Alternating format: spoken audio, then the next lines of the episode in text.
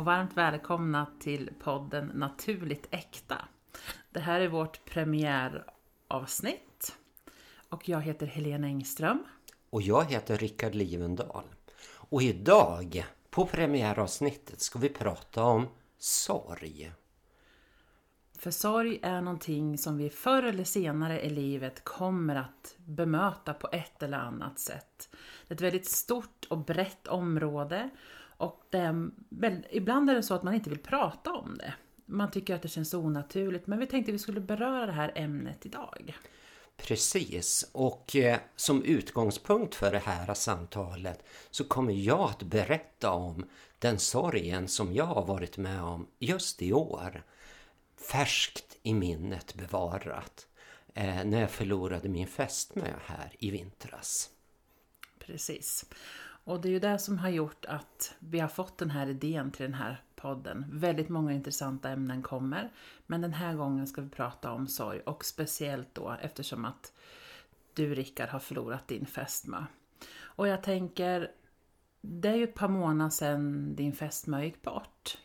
Hur känns det idag och hur länge sedan är det hon gick bort? Ja, det är lite drygt åtta månader sedan hon gick bort då.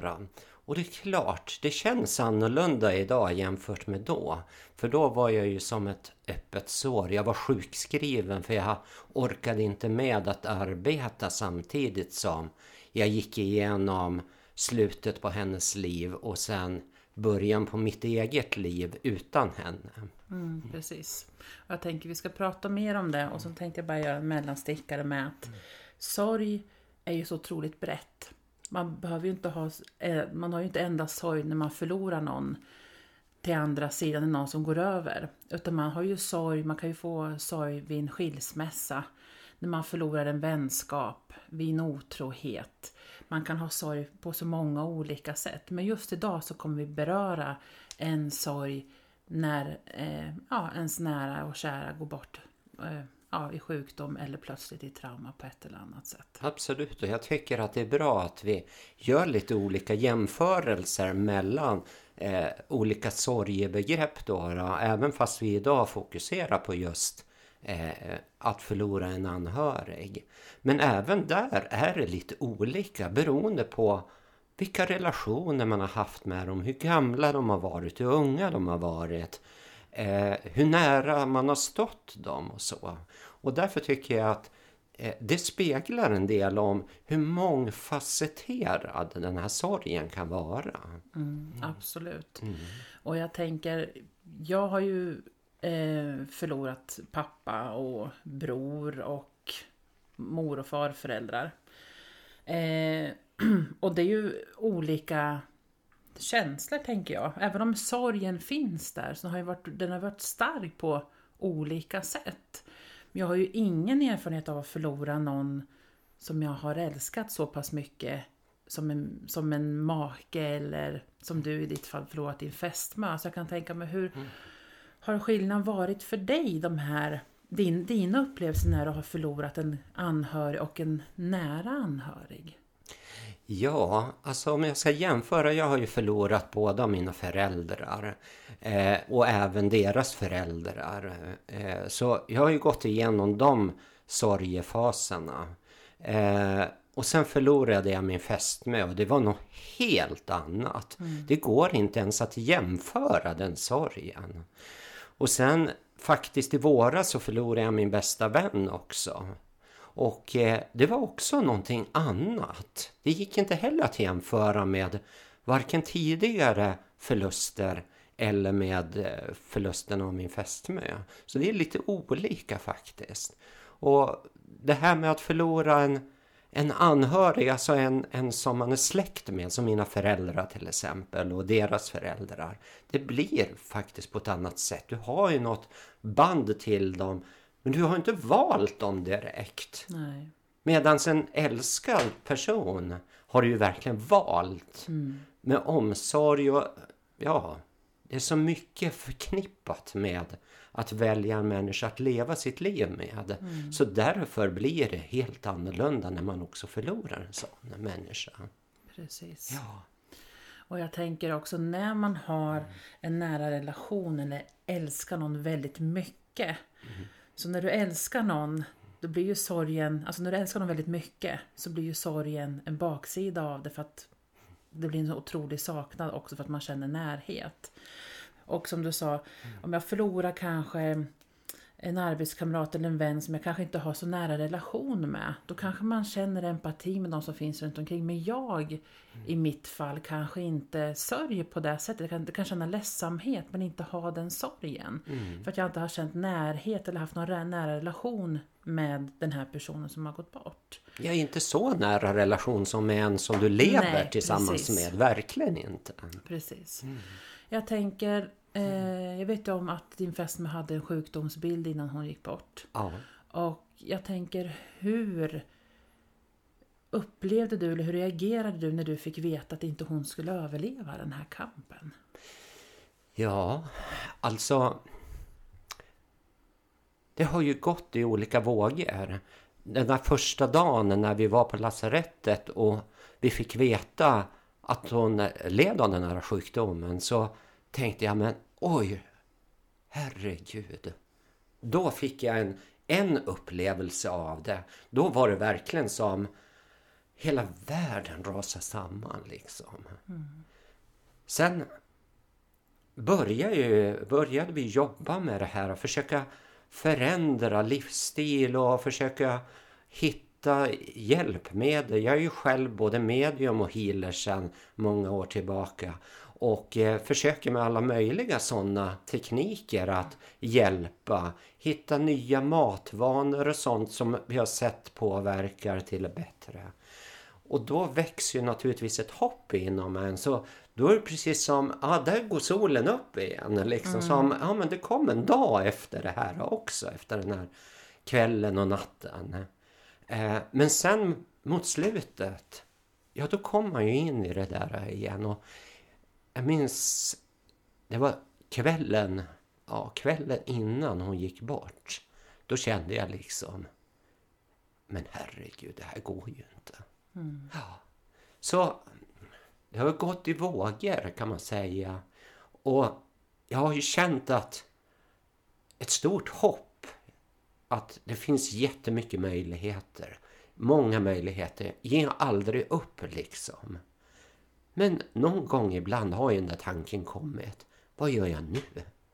Ingenting verkar ju fungera. Ja.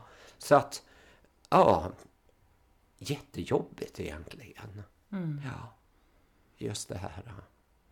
Och jag tänker just på det här med väntan. Att vänta på att någon som man älskar kanske tynar bort eller man ser må dåligt. Så jag kan tänka mig samtidigt också att man kanske önskar på något sätt att släpp taget så att du får må bättre. För att, att se en, en anhörig må dåligt, det är ju också när man inte har förmågan att kunna hjälpa på det sättet. Mm.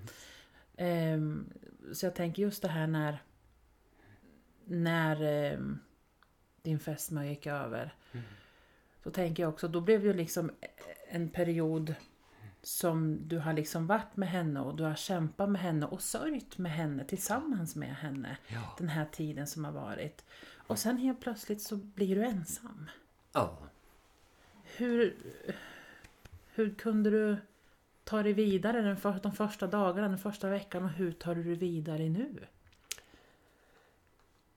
Ja, livet går ju vidare även om man känner liksom att shit också. Eh, men man ska ju upp. Man ska kliva upp, man ska äta. Man behöver göra någonting. Även när hon låg inlagd då, de sista två månaderna så låg hon mer eller mindre hela tiden inlagd på sjukhuset. Även då så behövde ju livet gå vidare och, och för att avlasta mig själv från att bara sitta vid hennes sida liksom så började jag gå ut och gå promenader och jag satte mig och läste och forskade mycket i olika saker. Det handlar om att vara aktiv och inte bara sitta och vänta på eh, övergången. Utan vara aktiv och det kunde jag fortsätta med efteråt. Och jag kan ju säga så här att det var tack vare eh, att jag en månad innan hon gick bort hittade till ett område som var helt nytt för mig. Kvantfysiken. Det ska vi inte prata om idag men Det är ett stort men ämne. det är ett stort ämne. Men det fortsätter. Intresset för kvantfysiken vaknade där. Och det är någonting som jag har tagit upp på riktigt. Det är liksom mitt stora område idag. Och det är det som jag tror håller mig vid liv. Eh, därför att jag ser att det finns så jättemycket vi kan göra och göra för varandra. Jag måste liksom tänka, det är inte bara jag som går igenom det här eller har gått igenom det här. Det är massor med andra människor där ute. Och att känna den drivkraften att jag med de kunskaper jag har och det brinnande intresse för det området och för människans välbefinnande. Det är meningsfullt för mig. Och det är meningsfullt. Meningsfullhet är viktigt när man förlorar en sån här nära anhörig. Att det finns en mening med livet efter. Precis. Ja. För du är ju kvar här. Ja. Du andas ju varje minut. Ja.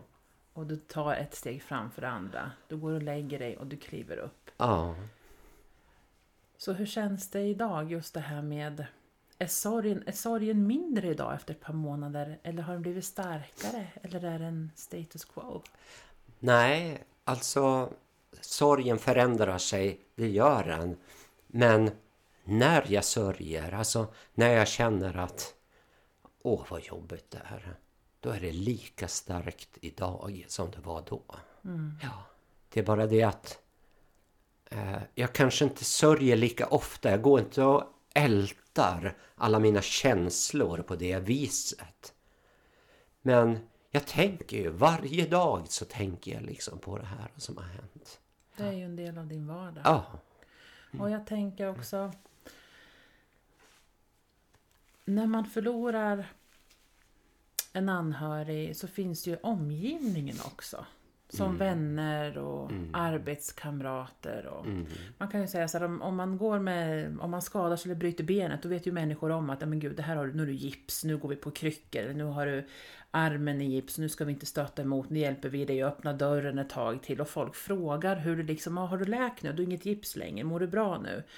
Men hur är det i en sorg? För att man ser ju bara dig. ja. Du har ju liksom inga kryckor och du har inget gips, men du har ju fortfarande en smärta inombords. Hur har du märkt att omgivningen har reagerat på det sättet?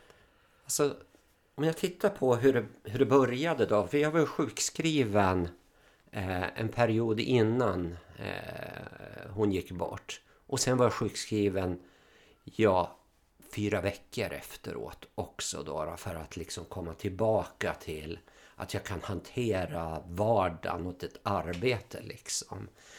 Eh, så visst, eh, det kommer ju jättemycket blommor den första veckan från jobbet och arbetskamrater privata och, och vänner och släktingar och sånt där. Och folk kom till och med med mat till en för att de tänkte ja men han kanske inte orkar laga mat eller något sånt där. Alltså det var jättemycket i början, mycket omsorg och tankar och sånt där.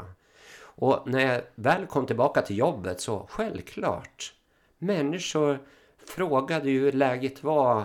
Eh, Min närmaste chef då, då som jag jobbade med eh, rent fysiskt då, då kom och frågade hur är läget och hur, hur mår du idag och sånt där. Och det kändes ju jättebra att de engagerade sig.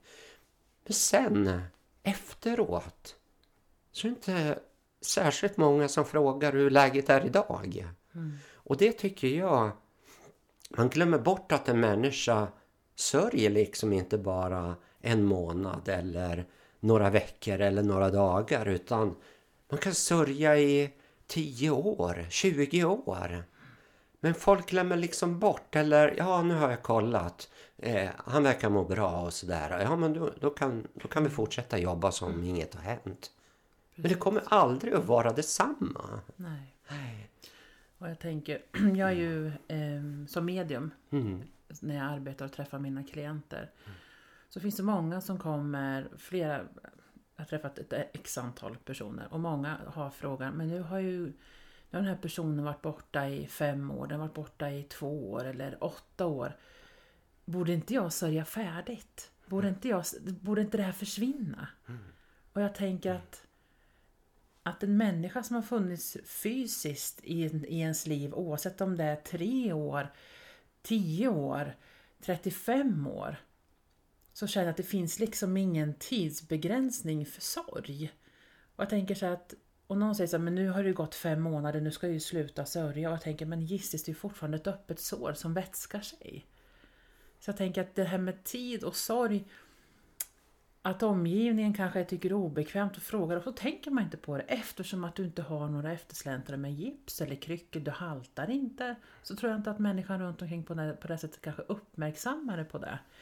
Ehm, på att man har en, en arbetskamrat eller vän som är i sorg. För det kan man vara i väldigt många år efteråt. Ja. Det kan till och med vara så att du är i sorg resten av ditt liv. Mm. En del eh, eh, släpper aldrig taget om det där.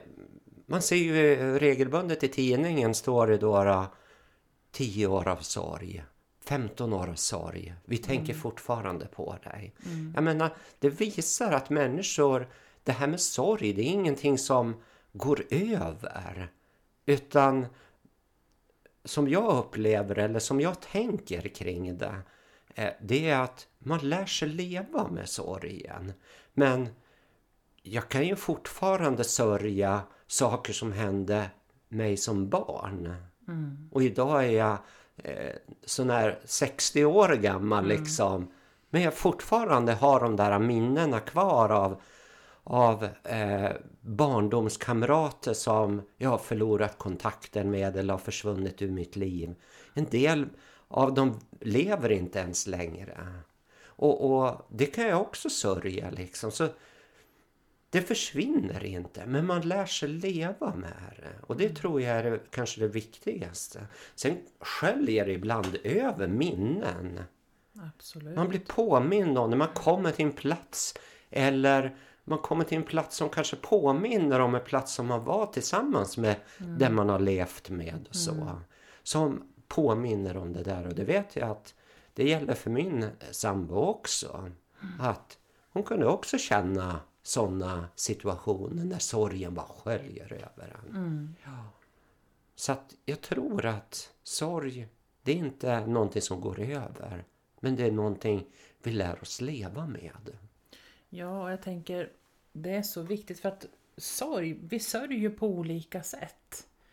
Och det finns inget sätt som är fel att sörja på. Många kanske blir väldigt utåtagerande. De kan bli aggressiva. De kan ja, bli fysiska till och med för att man har en sån smärta som man inte kan relatera till. Slår du i lilltån så kan du förstå att den smärtan går över efter ett tag. Men den här sorgen kan, kan utageras på ett annat sätt och vissa människor kanske bara blir, de bara sluter sig. De eh, slutar att prata, de slutar att gå ut bland folk, de har olika sätt att hantera sin sorg på. Och samtidigt vet man ju om att vissa människor har ju fått lära sig att man ska inte gråta, man ska inte visa eh, sina, sina känslor redan som barnsben. Och då kan jag tänka mig att det blir svårt att som vuxen brista ut i gråt och säga att jag mår jättedåligt på grund av att jag har förlorat någon som är mig extremt kär. Och jag tänker, det är så viktigt att man tillåter sig att visa sina känslor. För att sorgen och tårarna är ju samtidigt läkande. Jag håller helt med dig. Alltså sorgen och tårarna i synnerhet. Det är ingenting som man ska stänga inne. Eh, det är kanske omanligt om man nu får uttrycka sig jargongsmässigt. Men, men herregud, om jag inte grät då skulle jag bli väldigt, väldigt instängd, hämmad, sänkt. Jag skulle inte få ur mig känslorna. Känslorna är ju ett sätt för oss att leva. Det visar att vi lever, att vi känner. Mm. Eh, så sorgen och tårarna, låt dem komma. Så har jag resonerat hela tiden. Och mm. jag tänker på när du hade din mässa här i våras. Mm. Så satt jag och en god vän och eh, vi satt och fikade. Och eh, så började vi prata om någonting kopplat till den här förlusten som jag har gjort då. då. Och direkt började tårarna rinna. Mm. Där sitter vi i den här stora hallen fullt med folk som svärmar runt omkring. Och där sitter jag och gråter. Inte så att det blir hjärtskärande eller jag gör någon scen. Men jag låter tårarna rinna för det, det är helt okej. Okay. Mm. Ja. Precis. Och det tycker jag det är så befriande för efteråt så känner jag liksom att skönt att liksom få ur sig det här. Mm. Ja. Så det är läkande. Så försöker du stänga in det, alltså inte gråta, inte ge uttryck för känslor. Ja, då ropar du på att få mera problem. Ja. ja.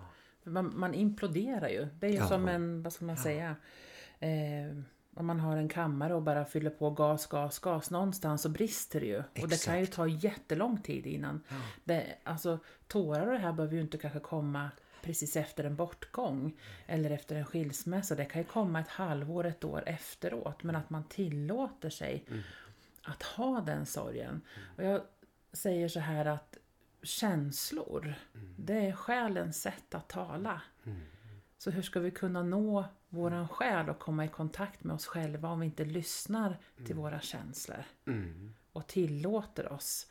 Och jag tror att är man inte van att kanske tillåta sig att gråta och känna de här känslorna, då tror jag det är väldigt svårt och tungt att öppna upp den dörren för att den är så igenstängd på ett sätt. Ja. Så det är nästan smärtsamt att öppna det. Men jag tänker när man väl öppnar då kommer den här floden och sen så är det så finns det ingen hejd på det. Nej, och det måste man ju tillåta sig. Och jag, jag tänker, jag är ju musiker också. Och eh, eh, jag skriver ju mycket mer musik när jag är i en sån här låg period. Mm. Alltså när känslorna går lite på vemod och jag känner mig lite sorgsen och allt sånt där. Det har varit de bästa perioderna för att ge uttryck för mm. mina känslor i musiken när jag är lycklig och allting är sol och underbart. Det är ju sällan jag sätter mig ner och skriver musik då. Då är jag ute och njuter av att livet är helt fantastiskt.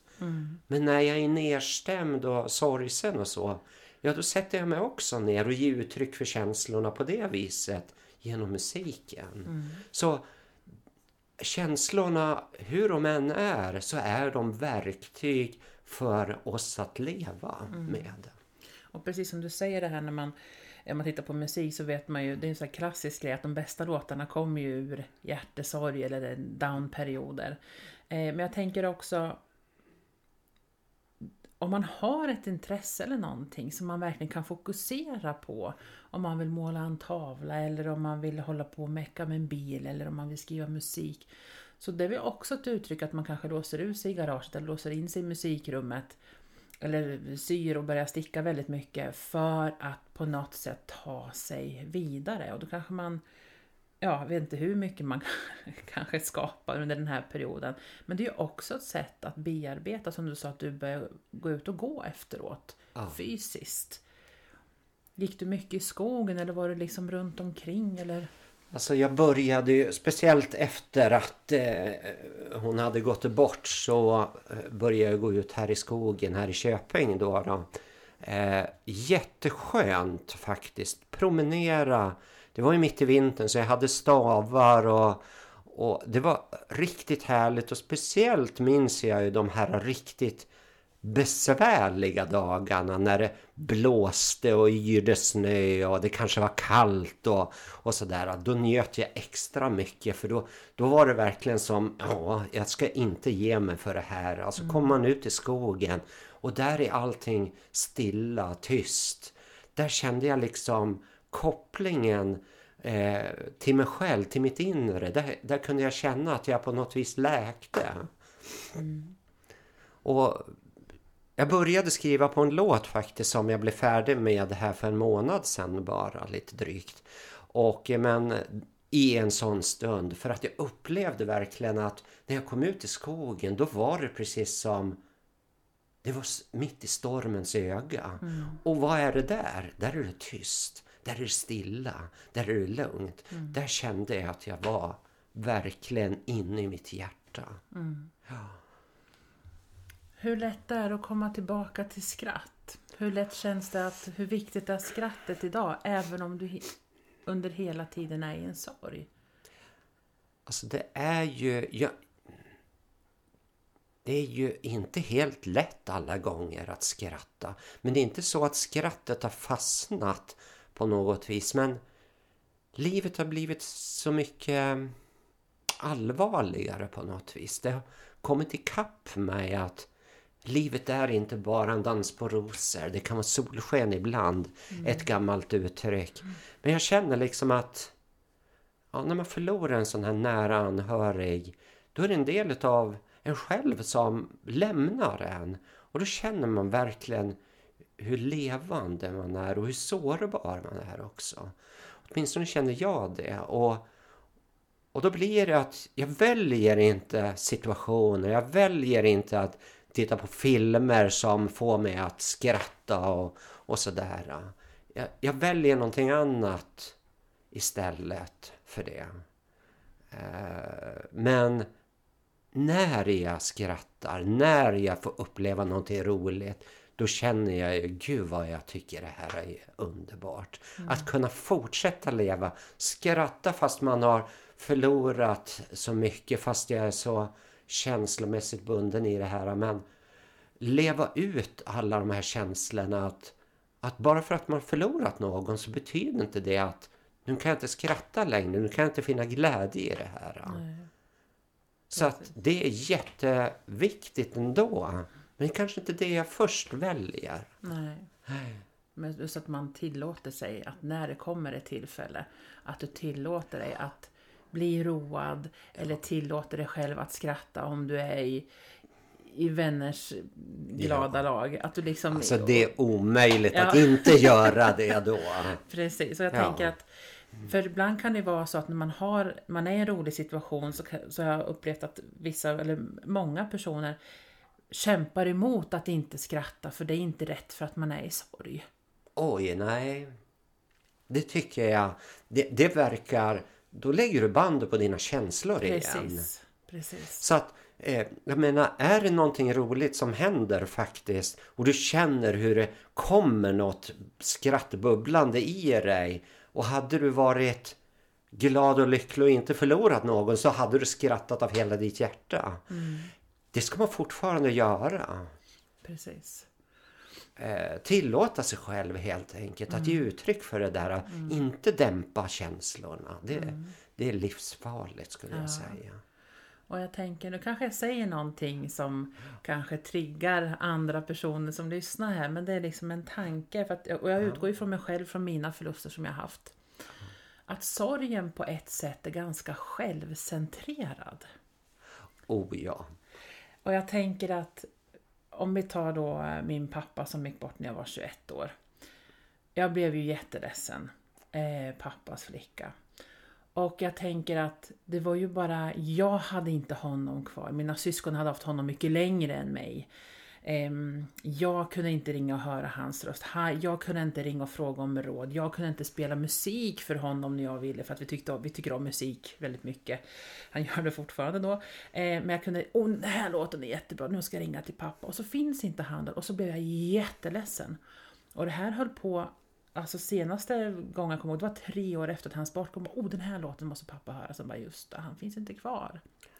Och jag tänker att det har ju bara med mig att göra.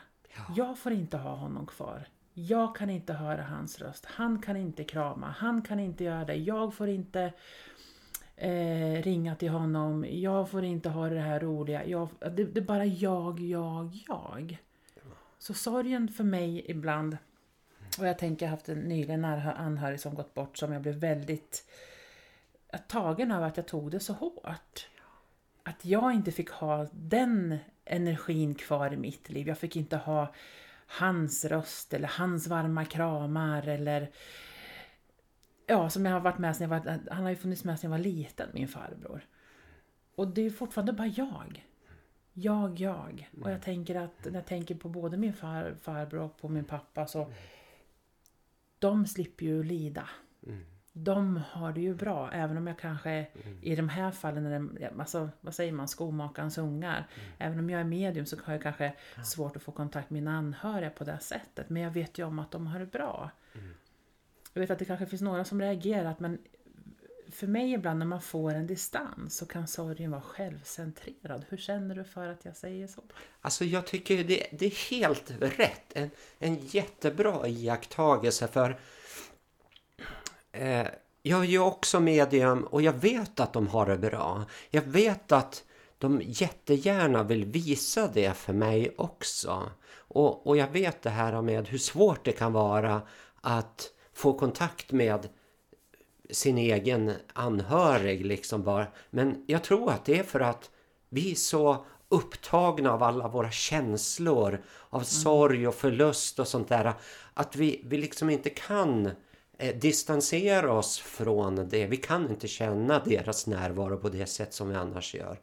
Och därför att vi är så fokuserade på oss själva. Vi är inte öppna för omgivningen. Eh, och jag känner så väl igen det där. Eh, jag har, vet inte hur många hundra gånger jag tänkt tanken efter att min fästmö gick bort här i vintras. Hur många gånger? Det, det är säkert hundratals gånger jag har tänkt tanken att Tänk om jag möter den människan här på gatan liksom. Vad ska jag säga då? Ja, det blir att jag får säga ja, jag har förlorat min, min fästmö. Ja, jag, jag blir helt fixerad vid det här. Det, det är liksom, jag har förlorat min fästmö. Jag är i centrum. Det är mina känslor. Och jag känner liksom, jag vill berätta och samtidigt vill jag inte berätta. Jag vill liksom få äga det här själv. Eh, gå i min egen sorg och, och det är därför jag inte har gått ut brett och berättat om det här. Det här är ju första gången som jag gör det i våran podd. Eh, går ut brett och berättar om det. På något vis har jag velat hålla det inom mig själv. Hur känns det att göra valet och berätta om det nu? Ja, alltså det är en självklarhet. När vi började prata om det här i somras så kände jag din önskan om att få göra en sån här eh, sändning, livesändning som det här är eh, tillsammans med mig och prata om just sorg. Då kände jag bara att ja men gud, det vill jag verkligen göra. Finns det någon som är mer lämpad att göra det än jag, tänkte jag ju då, då eftersom jag har ju alla dessa känslor. Jag vet exakt hur det är att verkligen förlora. Och vilken påverkan det här kan få på andra människor som är i samma situation eller är på väg in i samma situation. Att, att få se att sorg är någonting helt annorlunda än vad man läser om i böcker eller vad man själv tänker när man inte har upplevt det. Och jag tänker också eh, människor runt omkring. Att man inte ska vara rädd för att vad heter det, kan jag göra någonting? Eller om man säger du som är i sorg kanske ber om hjälp. Då skulle jag vilja säga så här att den där rädslan för att liksom prata med en människa i sorg.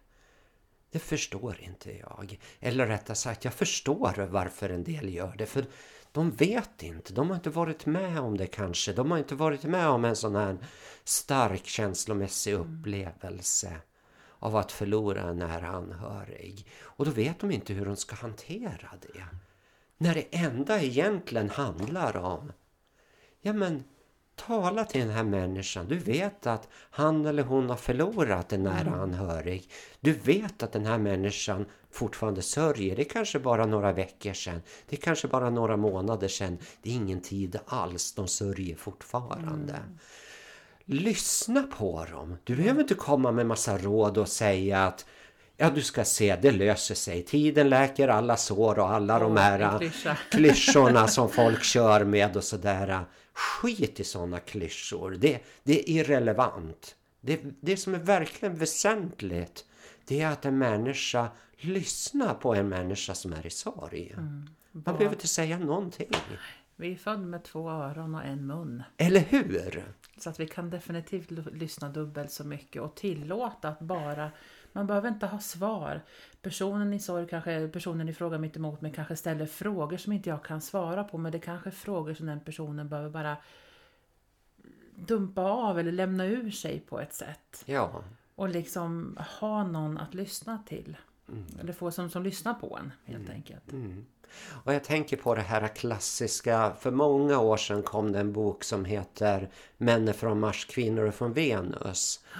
Jättebra bok därför att där stod det ju då att det här är den typiska mannen, det här är den typiska kvinnan.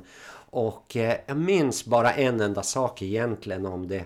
Och det var att eh, kvinnor älskar att prata om allting de upplever, eller hur? Absolut. Ja, Och männen älskar att lösa alla problem. Precis. Och vad leder det till då? Jo, att du berättar om all, alla dina upplevelser kring hur det var att förlora din pappa, hur det var att förlora din farbror och allt sånt där. Och jag kommer med lösningarna till dig Det blir liksom. jättefel. Ja, men det blir ju helt galet. Ja. Så glöm det där med dessa stereotyper.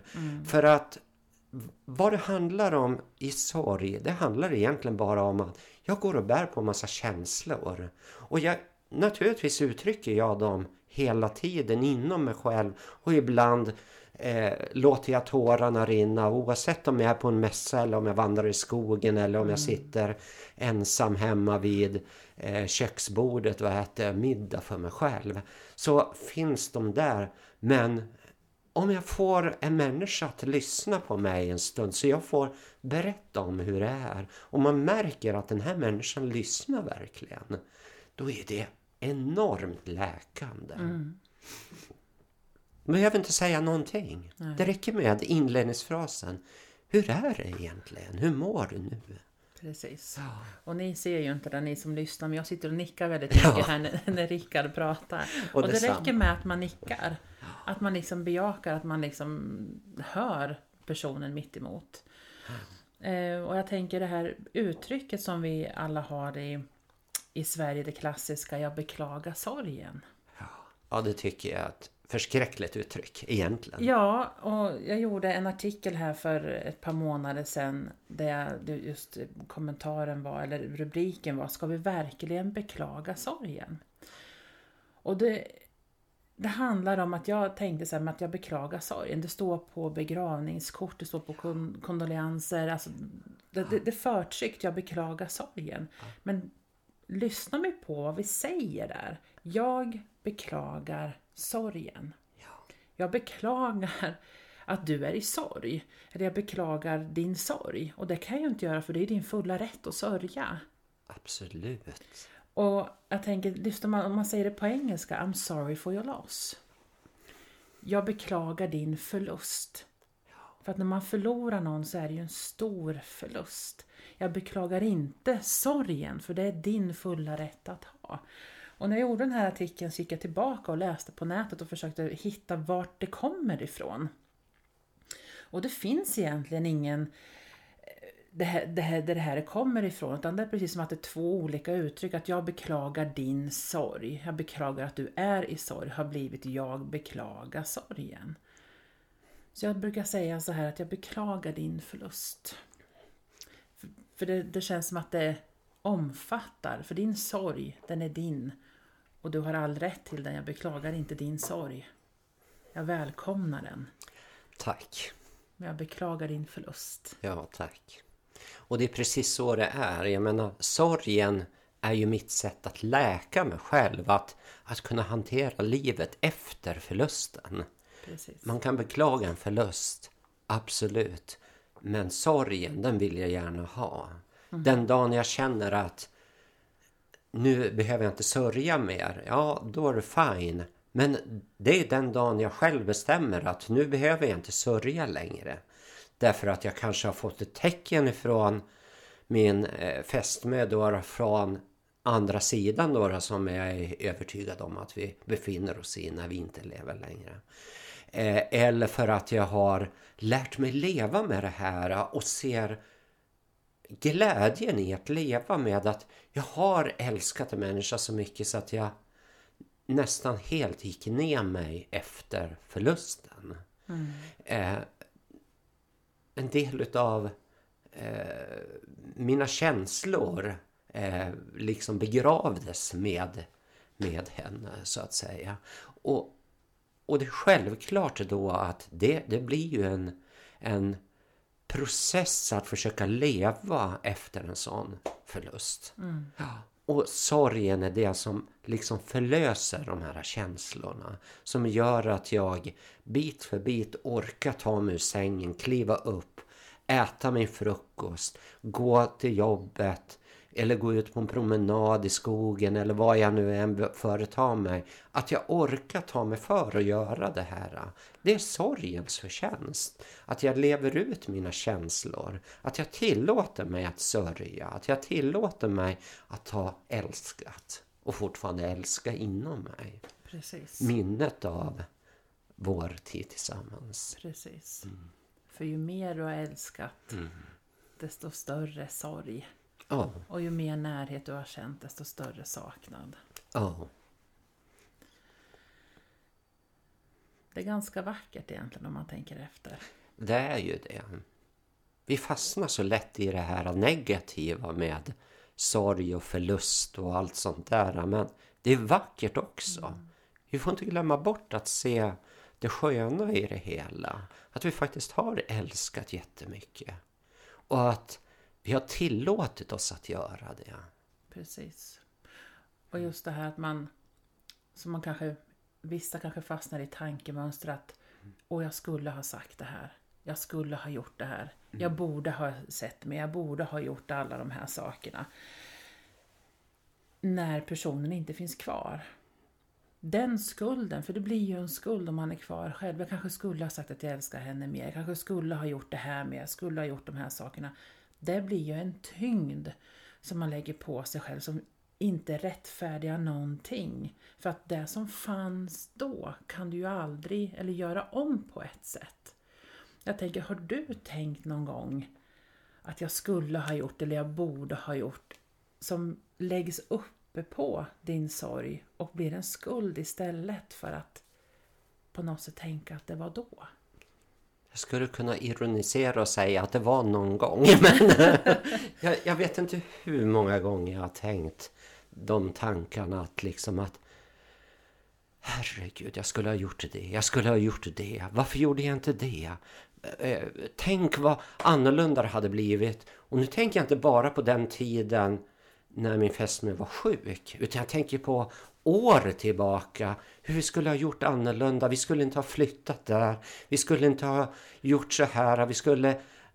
Tänk om det hade blivit annorlunda. Vi skulle ha pratat om de här sakerna istället för att vi pratade bara om jobb och vardagsgrejer. Vi skulle ha pratat om livet, syfte och mening och bakgrunder och hur vi kan frigöra oss och allt möjligt. Tänk hur annorlunda livet skulle ha kunnat vara. Ja, det blir en jättebörda uppe på allt det här. Det gör sorgen jättetung. Precis. Det blir som en eh, full ryggsäck med massa stenar i. Man går och bär på och det är tröttsamt och jobbigt. Och mitt enda råd i det sammanhanget, det som jag försökt att göra, plocka ur stenarna, kasta ryggsäcken, gör dig fri från det här. För det som har varit, det kan du inte göra någonting åt. kan inte påverkat heller. Du kan inte påverka det, men du kan påverka din relation till det. Du kan förändra det, du kan släppa taget om alla det där jag borde ha gjort, jag skulle ha gjort och varför gjorde jag inte det och sådär.